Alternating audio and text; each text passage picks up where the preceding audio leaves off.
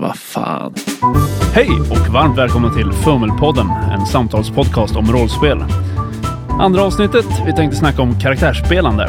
Det blir våra högst subjektiva tankar om hur man går tillväga för att gestalta en rollperson på ett tydligt och intressant sätt. Då rullar vi igång. Dagens Fummelpanel består av Eddie Jonsson, som ju var med i förra avsnittet. Hej, hej. Idag har vi även David Forselius som är premiär idag. Hallå, hallå. Förra avsnittet pratade vi om karaktärsskapande och då började vi stundom glida in lite grann på det här med spelande också. Så i det här avsnittet tänkte vi ta tillfället i akt att djupdyka i det istället. Eh, och det ska väl tilläggas att vi inte är några allmängiltiga gurus sådär, utan det blir personliga åsikter. Jag är guru, jag vet allt. Skönt. Känns bra att första kommentaren jag säger är bara, "Ah, fy fan vad bra jag är. yes. Jag tror att ironin lyser igenom ändå. Ja, jag hoppas det. Ja. Men eh, när man har skapat en karaktär då, som vi diskuterade i förra avsnittet, så gäller det ju sen att spela den i praktiken också. Eh, och när det väl kommer till spelandet så man blir ju väldigt beroende av vad man som spelare gör, vad man säger att karaktären gör och så vidare. Det som inte sägs, det syns ju liksom inte för de andra spelarna. Så det vi tänkte prata lite grann om idag är väl dels hur man förmedlar karaktären, får en intressant bild för sig själv, men även för de andra i gruppen. Det är väl lite av en balansgång också. Liksom, har man tänkt sig att man ska spela en karaktär som är väldigt extrem i sina åsikter eller väldigt udda i sitt beteende och man märker att det inte riktigt stämmer överens med hur övrig grupp beter sig eller hur stämningen i äventyret man spelar har blivit för tillfället så får man ju liksom efter det första mötet göra en liten extra bedömning. Liksom, hur har det här funkat? Och lite anpassa i alla fall efteråt. Jag, jag tänker också att äh, man kan väl vara lite villig att utvecklas. Alltså karaktären behöver väl inte vara samma person spelmöte 1 som den är spelmöte 10 eller spelmöte 20. Ja, dels det, men jag tänker även eh, när man väl har gjort karaktären och fått den på papper och även om man har skrivit bakgrund och tänkt igenom den så är det inte säkert att man som spelare heller riktigt har förstått hur den fungerar. Och så lägger man in sina egna tendenser och sitt eget spelsätt. Och då påverkar det lite grann hur den karaktären som man har skapat ser ut i praktiken också. Jo, men absolut. Och det handlar ju också om att man är ju i en situation, man är i ett äventyr eller en kampanj eller vad man ska säga. Och det är bara de sakerna som händer där som man kan reagera på egentligen. Mm. Visst kan man skapa egna situationer, men där är man ju betydligt mer låst. För jag var lite inne på det här i förra avsnittet att eh, jag skapar ofta en karaktär med vissa situationer i åtanke. Att här vore det intressant att agera på det här sättet. Ofta blir det ju då att det är de som skulle vara den tydligaste gestaltningen av karaktären, att vara med om de Mm. situationerna. Men som spelare bestämmer man inte nödvändigtvis om det. Ja, och det är också responserna man får är ju väldigt avgörande för att man ska kunna uppnå de scenarierna man är ute efter. Så att om allting är beroende av att jag vill i den här situationen vill jag vara väldigt snillerik och kunna jonglera mot motståndaren och nästan till duellera med dialogen. Och det är den karaktären jag vill uppnå. Om andra eh, spelare i gruppen vid det här tillfället då eh, kanske inte tar upp utmaningen eller eh, väljer att slå ner dig, då är det ju liksom också någonting man får tänka över lite grann så här, som kan jag uppnå de här situationerna som jag har i huvudet? Ja, just det. Och jag tänker även att eh, ibland har jag nog skapat karaktärer där jag har tänkt att ah, men de ska vara lite skämtsamma och smånarras med de andra. Och sen i slutet av första spelmötet så inser man, ah, okej, jag är en skitstövel som bara håller på att trakassera folk. För att det här är det enda som har kommit fram. och jag tror du och jag David pratade om det vid något tillfälle efter något spelmöte, att det är väldigt lätt att man har de här tydliga punkterna i karaktären som man återkommer till. Och det är de som syns så mycket. Även om man har tänkt sig en mångfacetterad karaktär så är det två, tre grejer som kommer fram extra tydligt. Jo, men absolut. Det är svårt att få fram en komplex karaktär under bara ett spelmöte. Det kräver ju ändå några flera situationer för att det ska bli tydligt för en själv och för de andra.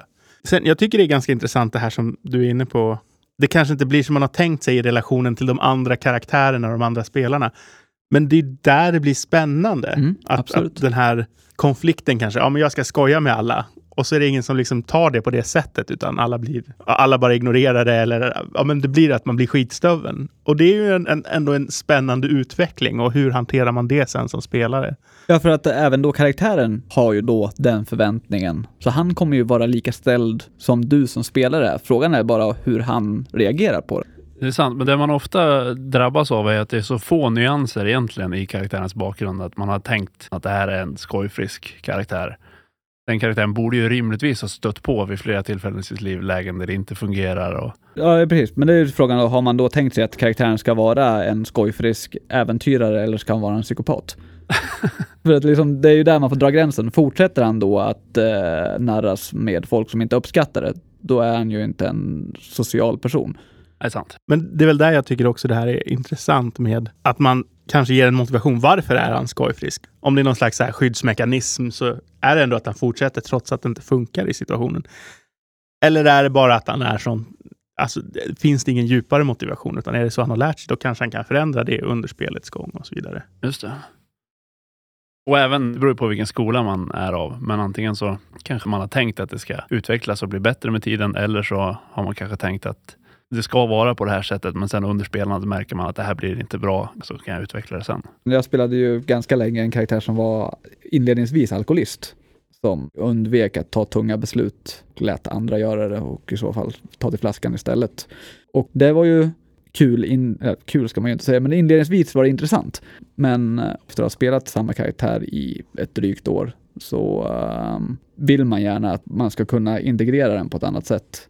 Då får man ju liksom börja mer eller mindre rehab för sin egen karaktär om man tycker att det är ett eh, tillräckligt relevant karaktärsdrag. Jo visst, men där är du inne på det som David tog upp tidigare, att det är ju rimligt att karaktären utvecklas genom spelandet. Yes. Då. Om man drar nya erfarenheter och man kanske befinner sig i en helt annan situation än karaktären har gjort tidigare i sitt liv, så kan man utvecklas som person också.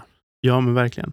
Sen så, apropå det, nu pratar vi ganska mycket om ens roll i gruppen och gruppdynamiken. Och hur känner ni inför det? Jag känner att det viktigaste är gruppdynamiken, att man har roligt tillsammans med sina karaktärer och att även om man har ett tydligt karaktärsdrag som man har tänkt och planerat att visa att det inte funkar så bra i gruppen, då trumfar det att förändra det så att det blir trevligare spel för alla. I min tanke, hur känner ni inför det? Jag har ju ett praktiskt exempel från en karaktär jag spelade nyligen som höll mycket för sig själv och sen satt han på all information och så var min karaktär den enda som kunde röra sig framåt i handlingen och de andra hakar mest på. Det blir ju relativt värdelöst för alla andra.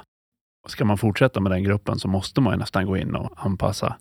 Är det någonting man spelar mer extremt, bara ett möte eller två möten, då kan det ju bli intressant att fortsätta spela ganska hårt på det och skapa någon form av konflikt genom det. Mm, att osämjan är kryddan i det här fallet. Liksom, så att, Men ändå så har du en poäng i att tycker resten av spelarna att det är fruktansvärt tråkigt, då är det bättre att ändra det snarast möjligt, tänker jag. Ja, jo, men jag, jag är beredd att hålla med. Just när det är så här korta, bara ett eller några få spelmöten och man har planerat det så. Det blir ju lite befriande, för där kan man ta ut svängarna mer. och jag tror förhoppningsvis ska ju inte konflikterna leda till konflikter utanför spelandet heller, men om man ligger på och ständigt spelar karaktärer som går på tvären mot övriga spelare och sånt där, då leder det ju till självförstörelse privat. Så att man kan ju hoppas att personen har självinsikten att liksom det ska finnas någon form av belöning för att liksom, eh, om det bara är för en kväll, så har du liksom belöningen i att nu såg vi vart det här tog vägen. Jo, visst, men där kan man ju se någon form av kollektivt ansvar då, att ha en intervention. Att du, du får ändra på din karaktär för det här är inte roligt. Eh, Nej. Eller du får byta karaktär för att då skulle vi andra ha det roligare. Jag känner väl att osämja mellan karaktärer är ju helt okej och kan vara roligt. Men osämja mellan spelare är aldrig roligt eller bra för gruppen. Helt klart. Ehm, vi hade, det är ganska många år sedan nu, ett tillfälle då jag, min karaktär var väldigt upp i varv och jag ville agera ut det nästan på teatersätt då och tog tag i min motspelares krage. Där bröt vi liksom nästan omedelbart och han liksom kollade att jag är inte bekväm med det här. Det här är inte den formen av rollspel jag vill hålla på med. Gör inte om det.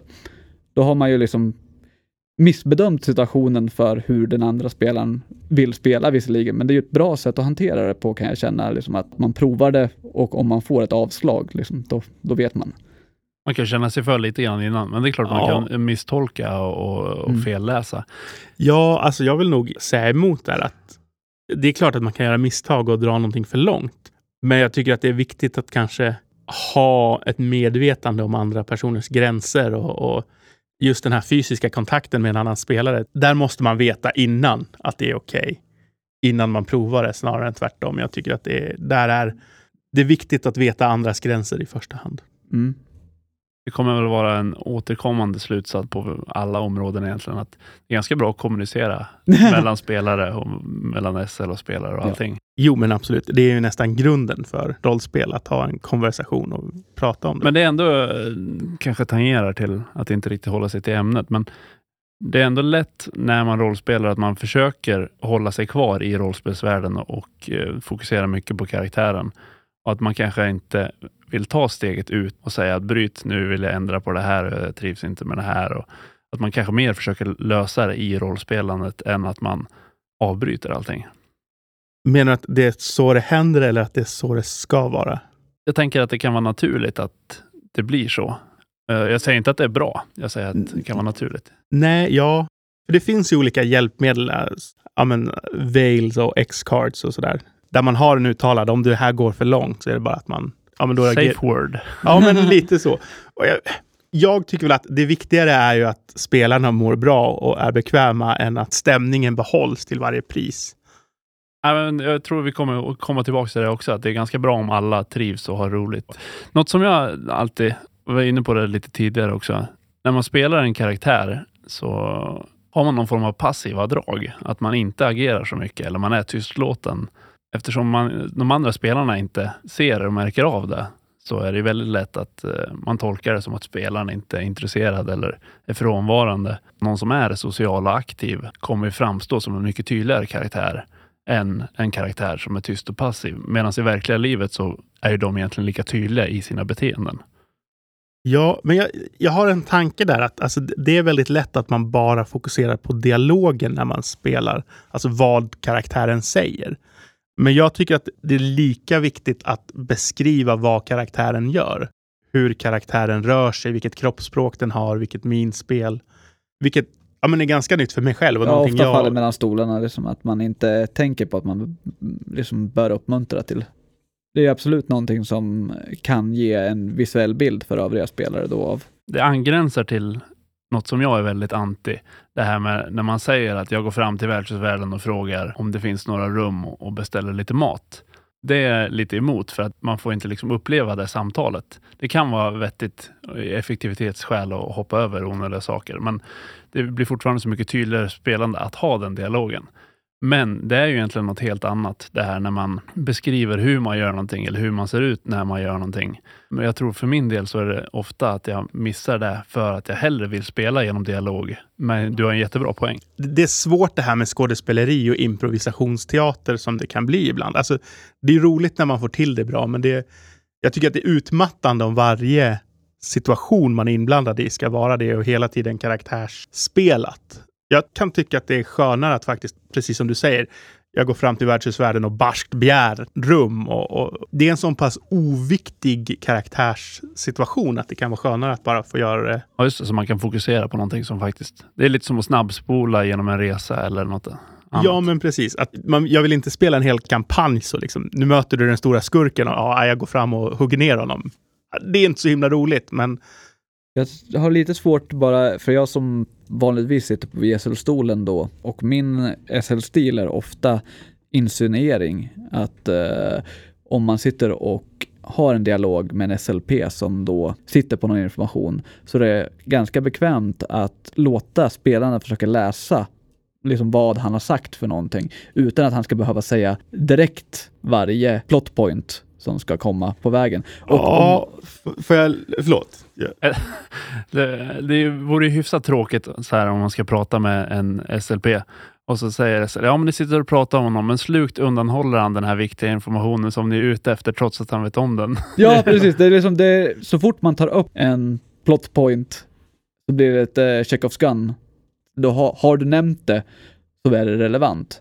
Medan om man har det i en 20 minuters dialog så är det okej att lite flum faller in inblandat med Jo, jag håller med. Men där är det väl kanske till och med bättre då att om den här personen sitter och håller på någonting och vi börjar fråga efter det här viktiga dokumentet vi är ute efter. Och när vi för det på tal att spelaren då beskriver att ah, han börjar kallsvettas och säger nej men det där vet jag ingenting om. Det blir ju kanske lite väl uppenbart, men det är ändå ett sätt att signalera att den här personen är nervös. Jag gillar bara inte att eh, separera situationer från situationer. Jag kanske är för nojig när jag sitter och eh, är spelare och liksom försöker uppmärksamma allting. Och det kan ju vara våran lilla brottningsmatch eh, sinsemellan när jag och Lukas SLar och spelar mot varandra. Att vi liksom försöker hela tiden dansa på tå för att upptäcka hemligheter och för att man vill få det så inte eh, uppenbart, utan man vill att det ska ske dynamiskt. Och så fort jag känner att man har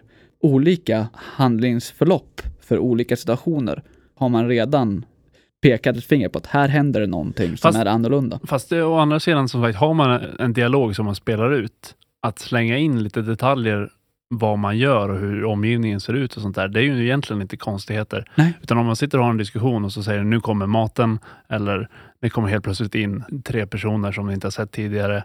Eh, Allt sånt där är ju rimligt att slänga in. Så egentligen är det inte konstigt att säga att han skruvar lite på sig och tittar åt något annat håll. Det kan ju till och med vara tydligare för en spelare som, som inte vet, är det SL som är obekväm med ögonkontakt eller är det karaktären som jag pratar med som... Ja, och jag, jag vill säga emot att det är väldigt otydligt och kan bli ganska frustrerande som spelare om alla dialoger med alla karaktärer alltid är likadana. På något sätt. Likadana blir de ju inte, men det jag kan känna att det enda tillfälle jag tummar på den regeln när jag är SLR är när SLP pratar med varandra. Eh, Ja, för det är ju... Det är ju liksom vansinne att sitta och liksom, och eh, ni sitter och pratar med den här SLP'n och samtidigt i bakgrunden så sker den här dialogen och så går man in och måste man spela den i real time. Och Det- framförallt när man måste bolla mellan två SLP. Ja, Gärna med lite olika dialekter och som har ett långt utbyte. Det är ju helt Nej, det värdelöst. blir vansinne. Men utan det är ju att försöka spela så många av de spelare mot SLP-dialogerna som möjligt. är Jag nog ganska så adamanti. Jag tror jag har en tendens att göra det, men jag skulle nog vilja ändra mig själv på den fronten. Och det här är ju någonting som är väldigt nytt för mig också att ta in och ta till. Och man bygger en mer levande värld. För hur man än vänder och vrider på det så är man ett gäng personer som sitter runt ett bord eller sitter och stirrar på en, en dataskärm. Och då behöver man sätta liv på världen, att det faktiskt händer någonting. För vår grupp har under hyfsat lång tid jobbat mycket med det här med att beskriva actionscener, oavsett om det är strid eller något annat. Att få in detaljer i det där, inte bara slå en tärning. Och på sätt och vis kan man ju se det här som en förlängning av, eh, av det. Och eh, det är inte nödvändigtvis att alla spelare kan projicera karaktärens ilska, eh, även om man inte har den ilskan uppbyggd inom sig och även om man inte har skådespelartalang så, så kan det vara värt att den karaktären får möjlighet att, eh, att vara förbannad. Och egentligen återknyter det lite till det här som jag var inne på förut med om man inte är en karaktär som pratar särskilt mycket eller gör särskilt tydliga handlingar så blir man bara en grå karaktär som ingen har något intryck av alls. Och det där kan ju komma in då att är det några som har en dialog kan vara värt att bara inflika att jag sitter tyst och tittar åt ett annat håll. För då har man helt plötsligt, den karaktären finns med i den scenen Då lyckas man få in apatin, ja precis. Precis. Jag sitter och är tyst eller jag tittar ner i golvet eller jag är ointresserad av samtalet och går därifrån. Ja, eller jag sitter och bara tyst och stirrar på personen som pratar medan jag vässar min kniv. Det blir, också, det blir också tydligare för att eh, om du som spelare gör det, det är inte säkert att de andra spelarna uppmärksammar att du gör det, medan säger du det, ja, visst det blir ju lite så här strålkastare, titta här, nu gör jag det, men det blir ändå, jag föredrar nog det när jag tänker Ja, efter. alltså strålkastare på olika spelare tycker inte jag är något dåligt, utan alla har ju rätt att ta den lilla platsen i situationen. Helt klart. Gå tillbaks lite grann. eh, Vi var inne på det här tidigare med att agera på tydliga saker och att det kanske nästan blir överdrivet för att man agerar för tydligt på några få saker. Jag tror ändå att det finns någon form av effekt att hämta där, eller det, det kan vara bra att göra så också. För att göra en för mångfacetterad karaktär med alldeles för subtila detaljer, då kommer man inte heller märka någonting. Ja, men absolut. Och jag tänker lite grann att man förtydligar det som sticker ut, det som är tydligt för ens karaktär. Det är ett ganska skönt sätt att ändå ha någonting att hänga upp sitt spelande på. Ja, jo, dels det, men även kanske att om karaktären är väldigt arg av sig och ofta är arg och beter sig arg även i situationer där det kanske nästan är obefogat att vara arg, då får man en väldigt tydlig bild av att karaktären är en argsint person med dåligt humör och kort stubin. Det blir lite som de här Bumbibjörnarna eller dvärgarna. de har liksom tydligt Arketyper. Ja, jo, men det finns någon form av poäng med det ändå, även om man inte behöver ta det till sådana extremer. Men är du lite arg, lite ledsen, lite glad, lite förstående, lite självisk, men lite godhjärtad. Till slut så är det ingen karaktär. Ja, och sen när man väl bryter mot det sen så blir det ju mycket tydligare. Om den här personen som jämt är arg och tjurig helt plötsligt blir spak och helt handlingsförlamad eller, eller ja, agerar på ett ovanligt sätt så blir det bara oj, vad är det som händer nu? Vad är det här vi ska Precis, utforska? vad ledde till att... Men även som spelare så det är lättare att veta hur karaktären reagerar på vissa saker om man har de här tydligare dragen definierade. Jag säger inte att man bara ska vara arg hela tiden, men någon form av tydligt drag att min karaktär är konfrontativ. Har man etablerat det och är konfrontativ ofta, ställs man inför en situation, då kan det vara skönt att falla tillbaka på att ah, men jag går på lite aggressivt. Har man ett tydligt drag, då kan man köra på det och framstå som tydlig och, och ja, bidra mer till rollspelandet tror jag. Ja, men absolut. Ja. Men Problemet som sagt, i vissa fall så blir man väldigt målinriktad. Ett extremexempel är ju eh, om man utforskar en grotta. Så blir det, ja men vi går till vänster, vi går till höger, vi öppnar dörren, vi går till vänster. Eh, det är ganska karaktärslöst spelande egentligen. Och framförallt då när man sitter tillsammans med eh, sina spelkamrater eller över Skype eller vad det nu är. Troligtvis så har man ju någon form av relation till det. Då försvinner nästan hela karaktären. Eh, I bästa fall så har man någon form av visuell bild av att ja, den ena är i alla fall en stor krigare. Men det blir väldigt mycket, ja, man sitter med sina kompisar och utforskar en grotta snarare än att karaktärerna utforskar en grotta. Gör man bara sånt så får de andra spelarna ingen bild av karaktären. Och det kan ju hända ibland också i och för sig att man landar i att man mest spelar sig själv, fattar strategiskt vettiga beslut för rollspelandet och där. Så det kan ju vara bra att man får tillfälle att lära känna karaktären, hur den fungerar och resonera kring saker. Om man säger hjälpmedel för att hålla sig i karaktären och sånt där. Nu senast spelade jag någon med finlandssvensk brytning. Det gick ganska bra tycker jag. Nackdelen så här i efterhand är att alla SLP jag ska försöka förmedla som SL efter nu får, oavsett vad jag försöker få till för dialekt, så glider jag tillbaka in på dialekten man har hållit på med ett halvår. Det. Men det kan ju bara vara en tidsfråga innan det släpper förhoppningsvis. Eller så börjar det få blid över till din person. Men det är ju ett väldigt tydligt sätt att skilja på karaktär och spelande och även då eh, ibland så kan det bli missförstånd. Om man använder sin vanliga röst vet man inte, är det spelaren som säger det eller är det karaktären som säger det? Ställer spelaren en fråga till SL eller ställer spelaren en fråga till SLPn? Men en dialekt gör ju det väldigt tydligt. Ja, så länge man lyckas eh, hålla det konsekvent, att bara i dialogerna använda dialekten och så, så Det måste ju även vara hyfsat övertygande, skulle jag vilja hävda. För att annars stör det nästan mer än det tillför. Är man dålig på dialekter så är det nästan bättre att skippa det. Ja, det är därför jag aldrig använder dialekter.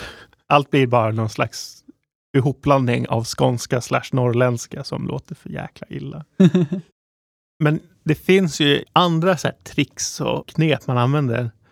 Ett exempel är, jag spelar någon så här i någon Drakar och Demoner-kampanj. Och varje gång han ska prata så ger jag mig själv underbett för att han ska låta mer halvorchig. Och det är, jag är glad att han inte säger så mycket, för det gör ganska ont i min käke, men det är ändå så här ett bra sätt att liksom få den här buttra rösten. Och samma sak att prata snabbare än vad man brukar göra, eller prata långsammare, använda lite annan Jo visst, man kan ju ta på sig karaktärsröster till olika nivå, men som du är inne på, en fysisk förändring eh, hjälper ju.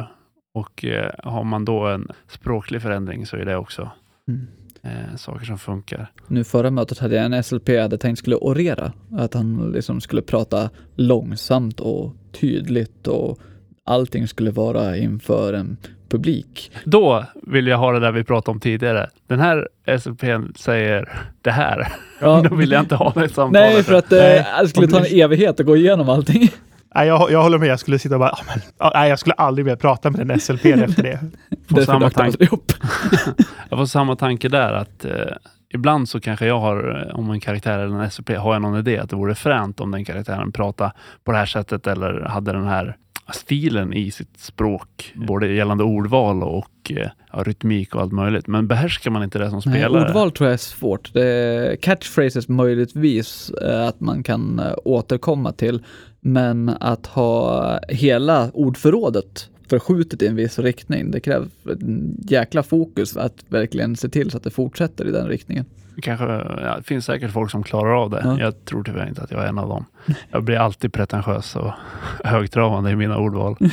Fast det är det jag tänker också. Ibland så, små medel kan göra ganska mycket. Att om man inte ska vara pretentiös så kanske det räcker med att första meningen inte är så himla pretentiös. Ja, jo, men det kan ju funka. Man kan ju alltid småjustera lite grann. Är det någon karaktär som svär väldigt mycket så kan man ju få in mer svordomar i sitt naturliga tal. Problemet då är ju det här du var inne på tidigare, om finlandssvenskan sprider sig till, till ditt eget språk, om man börjar svära som attan. Eller... Jag tror det vi konstaterar nu, det är det här som alla kristna moralpanikmänniskor har Oroat sig oroat för sig att- för att, att eh, karaktären blöder över till spelaren. Jag, eh, jag sträckkollade på Dexter vid något tillfälle eh, och kom på mig själv med att ha så monologer om att mörda folk i huvudet med Dexters röst. Jag har en kamrat som, han var sjuk och hade ingenting att göra så han fick låna Assassin's Creed av mig. Han satt och nötte igenom Assassin's Creed 2 och alla expansioner till det. Så när han gick på stan sen, då var han såhär, shit polisen och började titta om, omkring sig efter så här flyktvägar upp på taket. Viss, viss form av liv kan det ju bli när man går in någonting. Men jag tror, inte, jag tror inte jag märker att det blöder in på min vanliga personlighet. Det som riskerar att det blöder in på när jag försöker spela andra karaktärer. Ja, okej. Om man har pratat finlandssvenska och försöker göra en tysk brytning helt plötsligt istället, måste man ha en högre upkeep på den för att hålla den tysk. Ja, men det Medan det, som är, det som är dig själv ska du väl förhoppningsvis inte Jo, behöva. det är ganska långt distanserat från. Det är ju ett ganska allmänt fenomen att dialekter smittar, även liksom i verkliga livet. Att om du pratar med en skåning allt för länge så finns det en risk att du börjar oroa dig för att du gör narr av honom för att du också börjar ha lite skånsk brytning. Frågan är hur det här fungerar om man har en väldigt stark humoristisk karaktär som man spelar mot. Har ni någonstans upplevt att karaktärsdrag kan blöda över? Jo, men det är klart att man alltid blir påverkad av hur gruppen är och stämningen är och det inverkar på hur man spelar sin karaktär.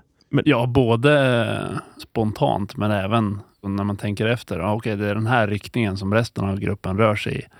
Kanske bäst att jag hakar på. Eller att man gör en tydlig markering där att min karaktär är inte en del av, Intresserad av av den här utbytet? Eh, men det blir ju någon form av ställningstagande att göra där egentligen. Problemet med att använda massa dialekter och sånt där blir ju också att det måste passa ihop med fluffet. Ja, just det. Att eh, om du spelar, har en rysk brytning när du kommer från det där landet, då borde egentligen alla ha en rysk brytning när de kommer från det landet. Mm. Och om då landet bredvid har en, eh, vad vet jag, latinamerikansk brytning helt plötsligt, hur förklarar du det där rent språkligt, evolutionsutvecklingsmässigt? Jag vet inte om jag känner att jag har det behovet av att utforska världen på det sättet. Jag, jag ser gärna att kampanjen är kanske lite självinsluten. Att i det här fallet så får finlandssvenska representera det här området och i nästa kampanj så får finlandssvenskan representera ett helt annat område. Eller, Jag som alltså, är pretentiös. Ja, vi har väl, eh, eftersom vi har sett att namngett allting, så har vi ju olika språkbakgrunder på vilka kulturer som bör influera namngivningen av olika saker. Så då kan man ju liksom härleda att den här karaktären borde ha en tysk brytning för att eh, språkgrunden vi har tagit till för att namnge alla platser i det här området har en tysk bas. Egentligen så borde det låta som något, någonting vi aldrig någonsin har hört eftersom det är ett helt annat språk och en Fast helt annan Du värld. ska ju ändå leva dig in i den världen och om det har massa logiska hål som så det blir ju problematiken som jag kan ha med djur och allt möjligt sånt där att är de inte evolutionärt logiska då sabbar det min spelupplevelse. Det är pretentiöst Så igen. länge man Nej, inte alltså har det- en eh, galen eh, magiker som har... eh, Men då är de ju logiska. Ja, ja, det är evolutionärt. De är logiska i sin Sen är frågan hur, lång, hur långlivad den arten blir i en annan Ja. Något annat man kan krydda karaktären med det är ju att ha någon form av rutin eller man har en ovana, man ha- halkar tillbaks i någonting. Man ett uttryck för karaktären men som blir väldigt tydligt. Eh, catchphrases kan ju vara en grej, men jag tänker även sitter och slipar sina vapen varje kväll. Kanske inte världens mest inspirerande, men den är ändå tydlig. Ja, och det, jag tycker det kan bli intressant också när det inte är spelaren som kommer på det själv om sin karaktär, utan att det är de andra spelarna eller de andra karaktärerna som lägger märke till det på något sätt. Att det Fast då måste du väl ha tanken i basen att du har, för du kan ju inte låta de andra upptäcka någonting som du inte har spelat. Nej, nej, nej, absolut, absolut. Missförstå mig rätt. Det Eh, beror ju på vad man spelar för rollspel. Om man spelar något så här helt samberättande så kan man ju till och med... Det är ju fiasko, då inkräktar man ju ganska hårt på varandras karaktärer. Ändå. Ja. Nej, men alltså, det kan ju vara en följd av en spelande också, så att man inte tänker på att man använder vissa fraser ofta eller, Ja, just det. eller, eller att man agerar på ett visst sätt. Och att det är det som förstärks av de andra spelarna när det händer. Mm. Men det, där skulle jag säga att det krävs en ganska unik situation för att det inte ska vara en detalj som en del av dig som spelare, istället blir en del av karaktären. Att det blir en form av passiv eh, upplevelse av att på grund av att du spelar den här karaktären på det här sättet så kommer du få det här repetitiva beteendet som de då upptäcker utan att du har förmedlat det. Alltså man har ju förmedlat det, men man kanske har förmedlat det omedvetet eller starkare än vad man tänker. Eller... Alltså om vi tar min karaktär som jag spelar nu. Uh, nu har vi bara spelat två möten, men han har redan blivit en tärningsspelare och det var ingenting jag tänkte att det skulle vara en jätteviktig detalj, utan det var bara någonting som dök upp för att fylla tiden. Och nu är det en Kanon. viktig. Ja, nu är det kanon. Ja, framförallt eftersom man inte hinner etablera så mycket annat eller har tillfällen att etablera så mycket annat på, på några få möten så blir det en väldigt framträdande del av karaktären. Och Det är väl det som vi har pratat lite om hela tiden, att man får de här punkterna som sticker ut och är det något som inte sticker ut, då är det nästan att det inte märks överhuvudtaget. Att det, det finns inte som en del av karaktären. Nej. Även om man som spelare tänker att det finns, ja då krävs det nästan någon form av nedskrivna krönikor från karaktärens perspektiv för att det ens ska existera i spelvärlden Ja. att karaktären är så eller tänker så. Och ju tydligare saker man har under spelmötena och, och ju mer återkommande beteenden karaktären har, desto tydligare karaktär för alla egentligen. Du tog upp tidigare att fylla tystnaden och att eh, du tycker om att säga vad din karaktär gör passivt medan andra pratar. Och det är ju lite där tärningsspelandet kom från, att du säger att din karaktär är inte intresserad av vad som pratas om för tillfället, så istället går han till det här bordet och sätter sig med några SLP som börjar spela tärning.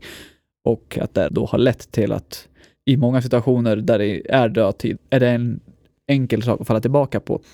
Så att det krävs nästan att eh, man har det som vana att säga vad man passivt gör utanför för att sådana små vanor ska överhuvudtaget finnas. Ja, absolut. Så att, att Absolut. uppmuntra så många som möjligt till att förmedla sin dödtid och förmedla sina bisysslor är ju egentligen det enda sättet att få karaktärer som lever fysiskt. Det tror jag kan vara en bra avrundning på det här, som lite grundläggande tips. Ja. Försöka förmedla detaljer hela tiden, även i dödtid. Inte nödvändigtvis spela ut dem i dialog. Och eh, som jag var inne på tidigare, ha några tydliga drag som återkommer till och spelar ut för att ja, framställa en karaktär och, och En levande den. karaktär, ja. Alltså, de andra karaktärerna kan lära känna karaktären. helt. Sant. Då så. Du har lyssnat på Fummelpodden som presenteras i samarbete med Studiefrämjandet. Du får gärna gilla vår Facebook-sida eller kanske följa oss på Instagram. Länkar finns i avsnittsbeskrivningen. Har du feedback eller tips på ämnen, hör av dig via sociala medier eller skicka ett mejl till info@fummelpodden.se.